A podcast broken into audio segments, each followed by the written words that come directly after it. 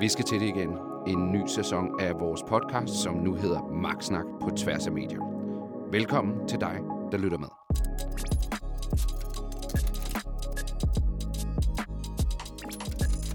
Velkommen til 2022.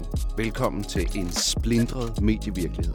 En virkelighed, hvor to menneskers medieforbrug ikke er ens. En virkelighed, hvor platformene ændrer sig konstant, og hvor de, der ikke kan følge med, for alvor vil mærke konsekvenserne.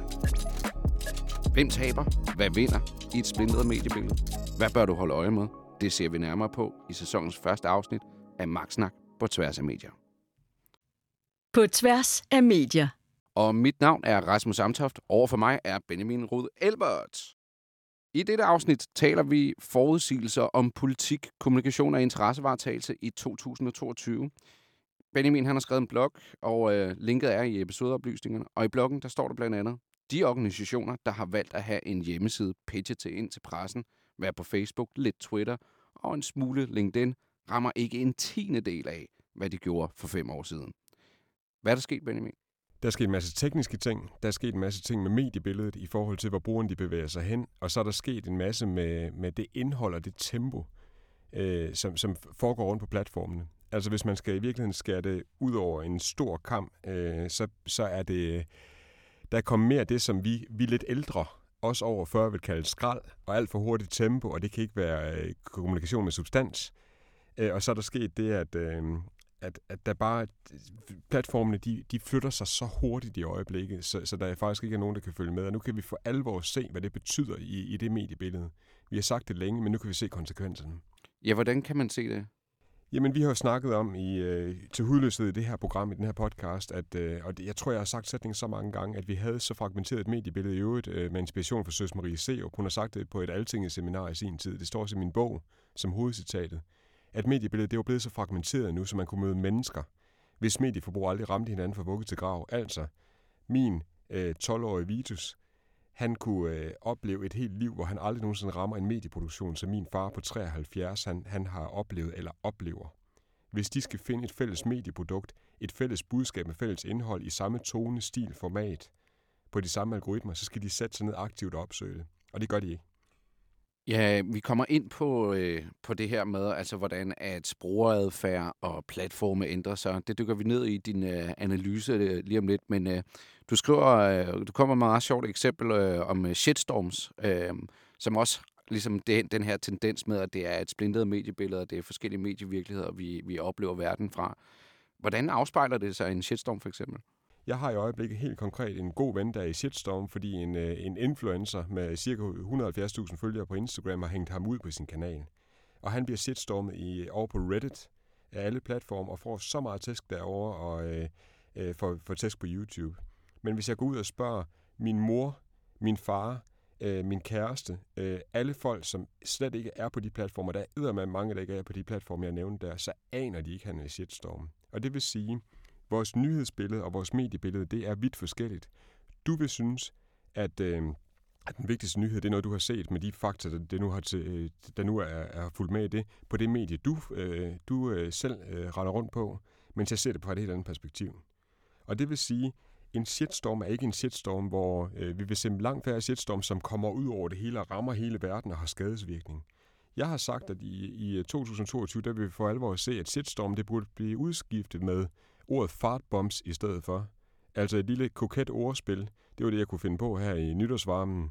Over at øh, det bliver små prutter, øh, og det bliver nogle fartbomb, som man i virkeligheden bare hurtigt skal, skal hen over nogle små forhindringer. Fordi det at blive shitstormet op på Reddit, det kan være skide ligegyldigt, fordi det er, øh, hvis den målgruppe ikke er vigtig for min gode ven, der bliver shitstormet, så kan han være skide ligegyldig. Eller så kan, så kan det være skide ligegyldigt for ham. Han er forfatter. Han skal sælge øh, medieproduktioner, og der sidder ikke en eneste af hans kunder derovre, eller nogen af hans venner, eller hans øh, omgangskreds. Han kan faktisk færdes i et helt normalt liv, og så kan han blive shitstormet op på en kæmpe stor kanal, hvor der sidder en masse danskere, men ingen af dem har øh, overhovedet berøring til ham. Og sådan vil vi også se for øh, store organisationer derude. Der kan komme shitstorm på Twitter, men hvis der aldrig flytter sig til et andet medie eller noget stort nok, eller, øh, alle medier i sammenhæng, det, og det, vi kommer simpelthen til at have så få store shitstorms i 2022, der både er på Ritzau-rullen, der er på Anders Hemmingsens Instagram, der, får, der er på Reddit, der sidder kommentarfelterne på Facebook, der er på Twitter, der er på LinkedIn, der er over bag betalingsmuren på politikken, og jeg kunne blive ved. Der er simpelthen, øh, det vil være så få ting. Så derfor, konsekvensen bliver for det politiske organisationer, som vi jo skriver til, det bliver, at de i højere grad skal holde deres mund, og så skal de koncentrere sig om at, at kommunikere krisen til dem, der er vigtigst for dem. Og det er oftere internt, og det er medarbejderne, der skal se, at, at, øh, at de passer på dem. Så vi kommer helt konkret til at rådgive de her små fartbombs i stedet for shitstorms. Der kommer vi til at rådgive til, at de ikke selv skal tale sagen op. Fordi der er ikke nogen grund til at tro, at hele verden har set deres krise. Jamen, øh, jeg tænker sådan et konkret eksempel, som for eksempel Radio Loud, øh, nu 24-7, de får masser af øretæver på, på Twitter. Og det har jo fået chefredaktøren Simon Andersen til at lukke sin konto. Er det så en god strategi? Jamen, min far, han ved slet ikke, hvad, hvad Radio Loud og Radio 24 er. Han aner ikke, at der findes en Twitter-konto, der hedder Loud mig i røven. Han aner ikke, hvem Simon Andersen er, men han kan sagtens finde på. Faktisk, når han sidder og scroller rundt på et eller andet DAB, hvor det nu skal, skal høre, så kan han godt finde på at falde over et program, som han synes er interessant.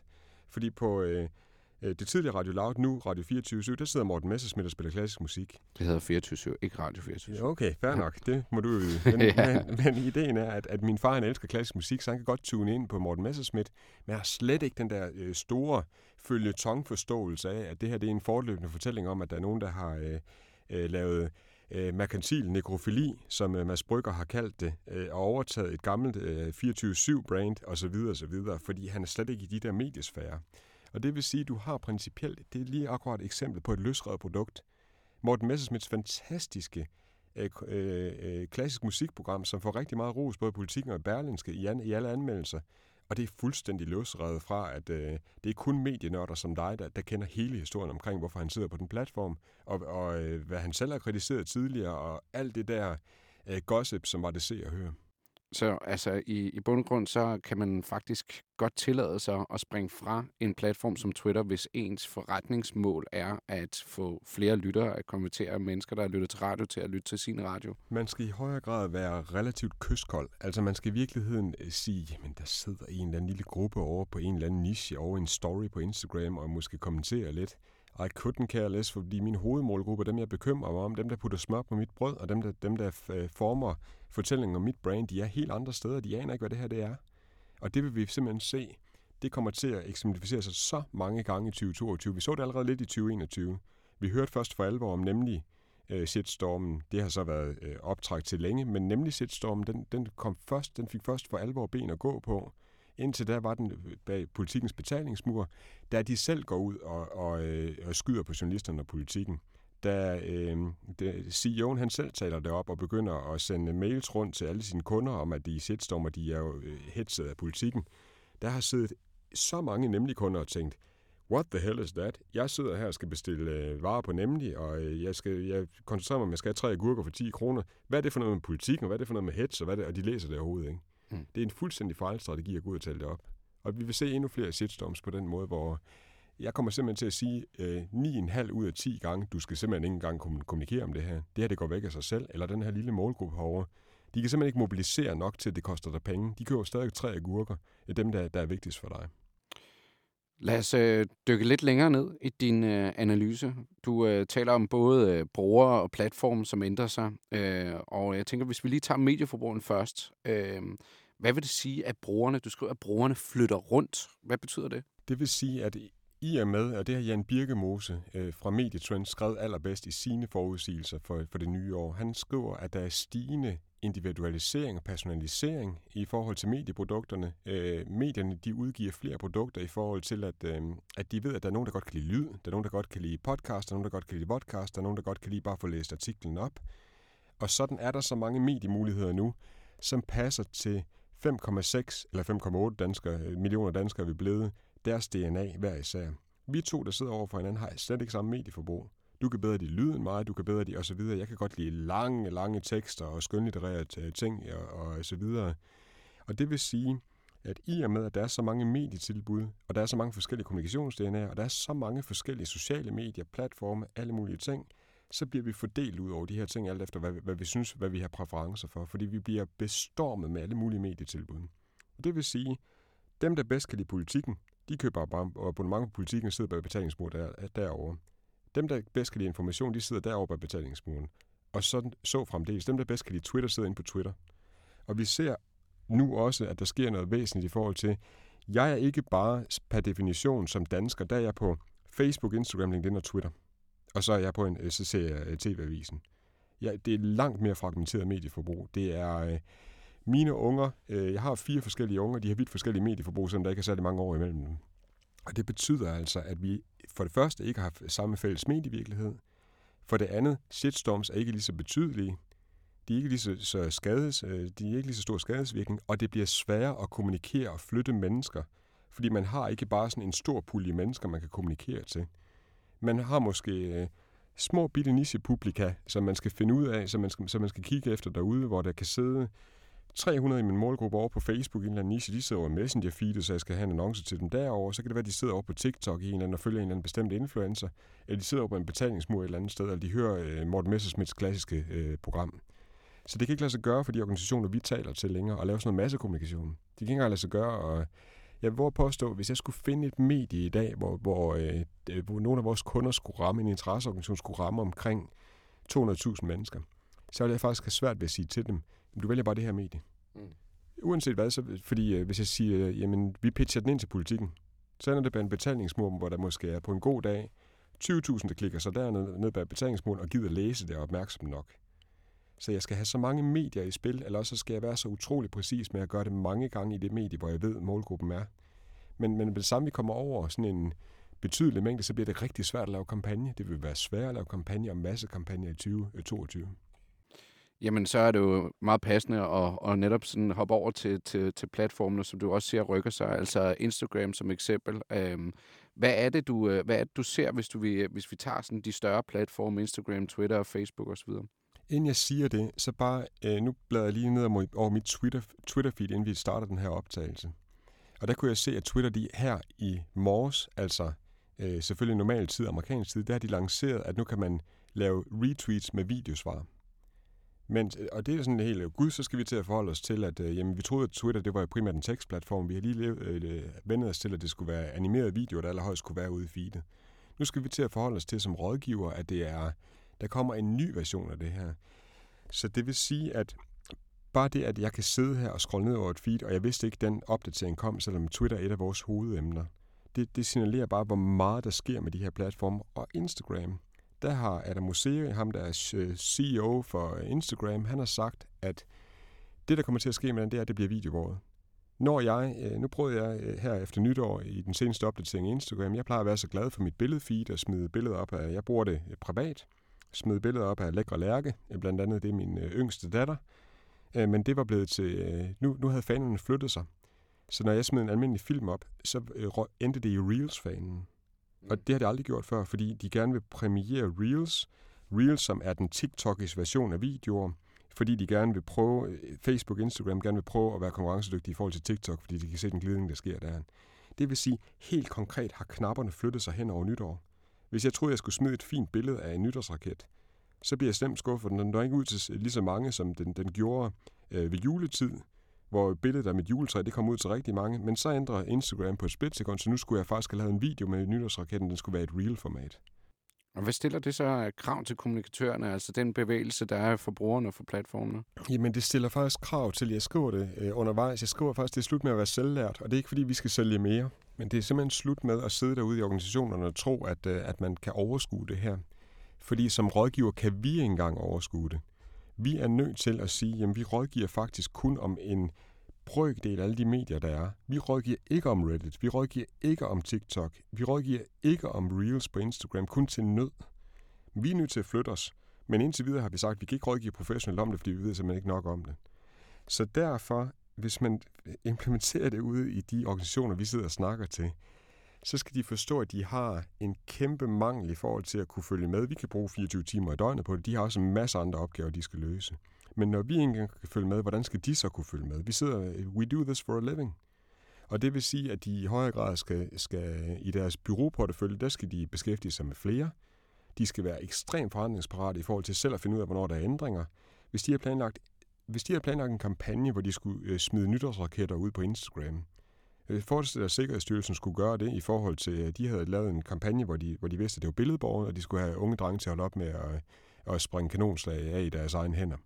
Hvis det var billedborgen, og, og øh, algoritmerne havde ændret sig, og Instagram lige pludselig havde taget en helt ny teknik nedover, så havde Sikkerhedsstyrelsens øh, milliondyre kampagne, den havde været øh, relativt ineffektiv. Og det er ikke bare sådan noget små ineffektiv, det er hele kampagnen, der kan ryge i forhold til, at det er helt andre formater, helt andre ting, man skal have i spil. Så man skal være ekstremt opmærksom på, hvor hurtigt det her det går, og man skal hver eneste dag teste og kigge på sine tal, om der er noget, der ændrer sig, om man får mindre effekt, mere effekt, om der er nogle sweet spots rundt omkring. Og så skal man fandme ud og søge noget viden. Mm. Og det kan, der kan man sige, det er, jo, det er jo fantastisk for os, fordi så kan vi formidle endnu mere viden og hele tiden være folks garant for, at øh, jamen, hvis du lytter med her, så kan du også høre, at Instagram de lige har ændret osv. Men det er simpelthen øh, dem, der sidder derude og tænker, at jeg gør det samme i år 2022, som jeg gjorde i 2021, de er allerede bagud på point. Jamen jeg vil sige, altså for, for, for vores vedkommende har vi jo også muligheden for rent faktisk i høj grad gå ind og teste alle de her ting. Det er jo det, vi lever af. Vi skal være på, på, på the front foot af, hvad, hvad, hvordan de ændrer sig, de her algoritmer. Jeg kan bare sige for mit eget vedkommende, jeg, i går der testede jeg LinkedIn Live og fandt ud af, hvordan det fungerede, men det er jo bare sådan noget, man, man, det tager lang tid. Altså man bliver simpelthen nødt til at, at bruge pokkers lang tid på det, og når, jeg tænker også, når man sidder i en organisation, og arbejdsopgaverne tækker ind på i sådan en lindstrøm, så er det måske også lidt anderledes, af, af lidt sværere at rent faktisk kunne lige hive sådan en dag ud af kalenderen og sige, jeg skal lige uh, teste det her format? Jamen, jeg tænker på, at man skal faktisk gøre det samme, som da jeg var i Nykredit i sin tid. Det er mange år siden. Det var tilbage i 2004, 2003 og så videre. Der havde vi en... Øh, der havde vi testbudgetter. Altså, jeg fik faktisk lov til at rende rundt øh, marketingmæssigt og teste en masse ting. Integration mellem mobiltelefon og outdoor-plakater og alle de der ting. Det var et væsentligt langsommere tempo. Jeg kunne nå at Øh, teste alle mulige ting, uden at, at medievirkeligheden den flyttede sig. Men hver eneste øh, øh, organisation derude, de skal altså have en, et lille testbudget, og de skal have en lille testafdeling af en, der render rundt og sådan nysgerrig, fordi nu er jeg heldig, at du render rundt og er en lille smule nysgerrig på, hvordan man lige bruger LinkedIn Live, og kan man integrere det med noget Zoom og alle de der ting. Der er jeg simpelthen nødt til at omgive mig med folk, der er sådan. Fordi jeg har heller ikke, jeg har også mange opgaver. Jeg skal også styre et bureau og så videre, så jeg har brug for de der tester, det har de også ude i de politiske organisationer. De har simpelthen brug for at teste her, og hele tiden blive klogere på det. Og det er bare den medievirkelighed, eller den virkelighed, vi taler ind i, det er rigtig mange interesseorganisationer derude, politiske organisationer, de sidder, og de har stadig det mindset, der hedder, vi skal være på Facebook, så skal vi muligvis være på, være på Twitter, og vi skal være på LinkedIn, og muligvis på Instagram, og så skal vi have en hjemmeside. Så skal vi ellers pitche, ellers pitche ind til pressen og have et medlemsblad. Det, er, det kan de godt fuldstændig vaske tavlen ren, og så skal de begynde fuldstændig forfra. De skal begynde med at se, hvor er deres målgruppe henne lige nu, hvilket indhold skal de ramme det med lige nu, i hvilke algoritmer lige nu, og i hvilke formater lige nu. Og, det, kan, og det, det, kan, det kan ændre sig i morgen. Ja, fordi nu, nu, nu taler vi jo om algoritmer og, og sociale medier, men, men, men det, en af pointerne er jo også, at det er på tværs af medier, og at de klassiske formater er, spiller en, en større rolle, end de måske gjorde for fem år siden. Altså, at folk de begynder at slå op med Facebook og, øh, og simpelthen øh, øh, forholder sig kun til nogle, nogle få medier, nogle niche-medier, og jeg, jeg kan fortælle, altså vi havde jo, vi havde jo kunder her til kommunalvalget. Jeg blev ret overrasket over en af vores øh, kandidater, som, som talte om, at, at de radiospots, jeg havde skrevet for hende, det de, de, de fik hun nærmest bedst respons på af alt det medie, hun havde udkommet med. Det havde jeg fandme ikke regnet med. Men, men det er jo også det er et skide godt eksempel, fordi vores kommunalvalg i øh, 2021, hvis jeg skulle, øh, før kommunalvalg, der sagde jeg, at hvis jeg havde tre greb, så ville jeg gå på gaden, så ville jeg bruge Facebook, og så ville jeg øh, bruge kandidattesten. Men hvis jeg skulle sige det i dag, i retrospektivt og i 2022, så vil jeg sige, du skal gå på gaden. Og så skal du finde ud af, hvilket socialt medie du skal være på. Jeg tror, det er Facebook primært, men der kan være masser af nischer, du skal ramme, afhængig af, hvem du er, hvor din bruger er, hvem du appellerer mest til. Så du skal, du skal virkelig have en ren tavle på det. Og så skal du også bruge kandidattesten, for det så vi også virkede. Hvis vi kigger på, der sker nogle, nogle, i og med at folk flyder ud til nogle forskellige medier, vi har de her ting og den her kompleksitet, så vil folk også søge tilbage til de klassiske, det klassiske kommunikation. Det vil vi også se, de politiske organisationer, de gør. Det sikre, det er jo at begynde at sige, jamen så pitcher vi ind til pressen. Det ved vi trods alt, hvordan virker. Det er et tempo, hvor vi godt kan følge med. Vi skriver den gode tale. Så heldigvis sker der det, at de politiske organisationer, der lytter med hos os, de begynder at kæle endnu mere for deres klassiske produkter, men de er også nødt til at teste, hvordan, hvor man kommer ud hen, fordi de sidder og spiller jævnfører mit blogindlæg for 2021, de sidder og spilder deres tid over på Facebook, især en nation af døde Facebook-siden. Mm. Ja, vi så jo også, altså det er så lidt noget andet, men Donald Trump, han udkom jo også med sin uh, lancering af sit nye medie på, med en pressemeddelelse. Ja, og så kan man sige, at, øh, at, at øh, så sidder vi alle sammen og prøver at spå om, om Donald Trumps nye medie det bliver en succes, og så, så, så kan vi bare sige, jamen det aner vi ikke en skid om, fordi mediestrukturen kan se helt anderledes ud i, i morgen. Han kan ramme et sweet spot. Ved du, hvad Blue Circle er, Rasmus? Nej. Blue Circle, det er, øh, det er svaret på, det er konsekvensen af, at der er nogen, der synes, at LinkedIn det er blevet for Facebooket. Øh, og det vil sige, at nu begynder de at lave, nu er der opstået et socialt medie, der hedder Blue Circle, som faktisk er begyndt at få, få luft under vingerne, hvor de vil have de rene LinkedIn tilbage, uden at de må skrive, at det er det rene LinkedIn. Altså der, hvor man kun udveksler fag. Fordi Facebook er vandret over blevet LinkedIn. Altså LinkedIn er blevet til Facebook, ikke? Mens Facebook det er blevet til sådan noget øh, fuldstændig mærkeligt et eller andet, og det bliver nu til meta på tværs af medier, hvor det er sådan noget virtuelt, hvor man kan handle ude, uden at have en, en kropslig tilstedeværelse. Så vi ved ikke, hvor det bevæger sig hen endnu. Det bliver sådan en virtuel handelsplatform. Og det vil sige, at der opstår hele tiden nye medier, nye konsekvenser, i og med, at Instagram ændrer sig til video. Hvor er så vores billedmedie henne? Fordi alle dem, der godt kan lide bare at udveksle billeder, hopper de på Pinterest, eller kommer de til at rende rundt med fotoalbum under armen? Det aner vi ikke, eller om der kommer et nyt Instagram, hvor det er et billedmedie. Men hvis jeg skulle, hvis jeg skulle øh, lave et, øh, et, mit eget sociale medie i dag, så ville jeg kopiere det gamle Instagram. Der, hvor den målgruppe bare godt kunne lide at udveksle billeder. Med en algoritme, hvor det bare er kronologiske billeder, uden algoritmer i første omgang. Fordi der er stadig et, en efterspørgsel på det. Alt imens Instagram de laver det til meta og video og kombinere audio rooms ned i øh, Facebook og alt muligt, vi ikke kan, kan overskue. Og du risikerer ikke at, at, ligesom at have dit eget bias med, at du godt kan lide det der Instagram-billede. Altså jeg, for eksempel ligesom med mig i Radiospot, jeg lytter ikke til radio, fordi jeg ikke har en bil, så jeg tænkte, det, det havde jeg sgu ikke regnet med. Jo, og det der problemet, det, du øh, griber fat i noget ekstremt vigtigt, det er, dem, der sidder og lytter her, de vil tænke, ah, okay, det lyder godt nok lige lidt sci-fi, går det ikke lige lidt stærkere end... Øh, altså, de, vil også, de har også en interesse i at tale tempoet op og gøre det mere kompliceret, end det er. Jeg er nødt til at sige nej. Jeg er selv en øh, maskinstommer på det punkt. Jeg kan rigtig godt lide, at udviklingen den går meget langsomt, så jeg selv kan følge med. Jeg kan godt lide klassisk kommunikation med substans i. Men jeg er nødt til at forholde mig til, det, her, det, er en, det er en glidning, jeg selv har været igennem.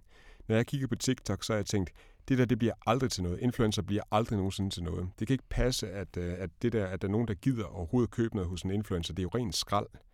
Jeg er bare nødt til at forholde mig til, at det der, som jeg kalder skrald, Øh, min datter på 14, hun elsker det, og hun synes, det er substantiel kommunikation, og hun får sin vigtigste viden derfra. Tror du også, at det vil fortsætte om 10 år? Jamen, det, der kan ske så mange... Vi snakker altid om sådan noget, hvornår er the tipping point, modreaktion? Kommer der ikke et eller andet, hvor vi alle sammen kommer tilbage og læser bøger? Men, men det har bare, den modreaktion har bare ikke været der. Øh, og det vil sige, vi aner heller ikke, hvordan, hvordan, øh, hvordan Facebooks meta bevæger sig. Øh, lige nu der har vi samme skraldetendens og samme sådan, øh, holdning til det ja, det kommer aldrig til at virke. Der, der er sgu da ikke nogen, der kommer til at prøve at køre biler med virtuelle briller på, eller øh, rende rundt på en eller anden handelsplatform, hvor de ikke kan se sig selv. Men jeg så i mit LinkedIn-feed, der så jeg øh, fantastiske Søren Schulz. Øh, han har øh, opdateret sin bog omkring øh, unge øh, digitale indfødte. Og der har han jo arbejdet med det begreb, der hedder tilstedeværelse til tideværelse. Altså unge, ville, de var bare interesserede i at være til tide, de var ligeglade med at være til stede. Og det vil sige, de, øh, de øh, kunne faktisk godt, øh, de synes, det var lige så fedt at være nede i Messenger-feedet, når de var på gymnasiet, som det var at være ude i det virkelige fysiske liv, før vi havde corona. Så altså for at vende tilbage til spørgsmålet, hvad, hvordan reagerer øh, de, de her medieforbrugere, der er teenager i dag om, om 10 år, og fortsætter med at se skrald, så siger du, jamen mediebilledet om 10 år er fuldstændig anderledes. Vi kan slet ikke forudsige, hvordan det kommer til at være. Vi kan kun være interesseret i at respondere på, hvordan platformene skruer på knapperne, og hvordan brugerne de ændrer sin, sin adfærd lige nu her inden for måske maks to års horisont eller sådan noget. Jamen så husk på, at de teenagerne, de vokser op, så bliver de vildt fragmenteret og vildt personaliseret. Det vil sige, at de flytter sig rundt til alle mulige platforme, og det kan være, at der er endnu flere medietilbud på det tidspunkt. Så lige nu er de, øh, når man går i gymnasiet, så tror man, man er enige om alting, og så stemmer vi alle sammen rødt. Ikke? Så finder vi ud af, at vi er vidt forskellige og har vidt forskellige holdninger. Det er det samme med medieforbrug, at øh, vi, vi er nogenlunde på det samme, når vi sådan er unge, øh, og så til sidst, så, så flyder vi ud og, og finder vores lille niche øh, hver især. Men en ting, vi ved, der er fælles for alle, det er, at tempoet er øget. Fordi lakserytteren har rendt rundt i det her land og, og startet sin video med at sagt, hey, det er lakse, og hvad skal vi i dag? Hvad skal vi? Vi skal fem ting, vi skal fem ting, vi skal tegne fem ting, vi skal, det, hvad skal vi kameraman? Fem ting, det var det, vi skulle tegne. Se her, vi skal, og så videre. Og lave jump cuts og lave alt muligt, det vi vil kalde skrald. Så er tempoet øget, og det vil sige, en politisk organisation, der skulle, det i gamle dage ville lave en video, der hedder, Hej, jeg hedder Lisette Risgaard, og jeg er formand for FH så er folk stået af. Og specielt de unge målgrupper, der vokser op lige om lidt. Fordi hun skal i højere grad sige, hey, jeg hedder Lisa Risgaard, FH, ved du hvad det er? Ved du hvad det er? Så skal jeg fortælle dig det. Og det kan godt være, at hun ikke kommer til at sige sådan, men hun kommer til at sige noget, der er i en mellemting og et væsentligt hurtigt tempo, hvis hun vil overleve det her mediebillede. På tværs af medier. Hvad er det vigtigste for kommunikatøren at forstå i det nye år? Altså i virkeligheden så er de tre opsummeringer, jeg har lavet. Altså målgruppebilledet er splinter totalt. Nu er man nødt til at forstå, at brugerne er i forskellige fragmenter. Ens målgruppe er ikke der, hvor man, hvor øh, man nødvendigvis troede, de var. Og det vil sige, at du skal ud og kigge på, hvor er de vigtigste målgrupper for mig, og hvilke platforme skal jeg nå dem på lige nu, og det kan flytte sig hurtigt. Det er virkelig en pointe et. Og det er der, hvor jeg siger, at dem, der bare sætter sig ned og siger, at de er på Facebook fortsat, de tager fejl. Så er der nummer to. De store sociale medier, de mister deres effekt for alvor. Det vil sige, at man skal i højere grad kigge væk fra de store medier som Facebook og Twitter og Instagram osv., fordi de også mister noget. De mister noget power i forhold til, at algoritmerne bliver sværere, indholdet bliver sværere. Facebook er blevet bliver ekstremt begrænset i forhold til de datastrukturer, der er det ikke det guldæg, det har været i øh, længe. Det skrev vi allerede om i 2021. Og det vil sige, at, at vi skal søge ud på nogle, måske nogle niche-medier, hvor, hvor man tør at lave podcasten kun for de 40 lyttere. Eller man tør at lave det der lille nicheprodukt, hvor man siger, jamen vi er godt tilfredse med, at der kun er tre lyttere herover. Bare det er de tre vigtigste, vi, vi, vi rammer herover. Og så er der konsekvens nummer tre, som vi måske ikke har snakket så meget om. Vi har sagt det lidt i forandringsparathed, men det der med, at, øh, og det, det havde vi et helt program om i, i 2021, at der simpelthen er forskel på, når man kommer ud til organisationer, hvilken kultur de har, om de er sultne eller ej. De politiske organisationer, der overlever derud og klarer sig rigtig godt i 2022, det er dem, der har folk med testgener, eksperimenterende, dem, der ikke står stille, dem, der ikke bare gør, som de gjorde i går, eller gjorde i øh, 2021. Det er dem, de folk, der er sultne på viden. De folk, der ved, at de ikke ved særlig meget, øh, hvis de baserer deres viden på det, de vidste i 2021, men de skal ud og opsøge noget nyt. Så dem, der har videbegærlighed og øh, eksperimenttrang, og dem, der har lyst til at se, øh, eksperimentere med mediebilledet, og sætte sig ned og øh, eksperimentere med LinkedIn Live, fordi nu, kom, nu skylder det ind over Danmark lige om lidt. Ikke være bange for at fejle.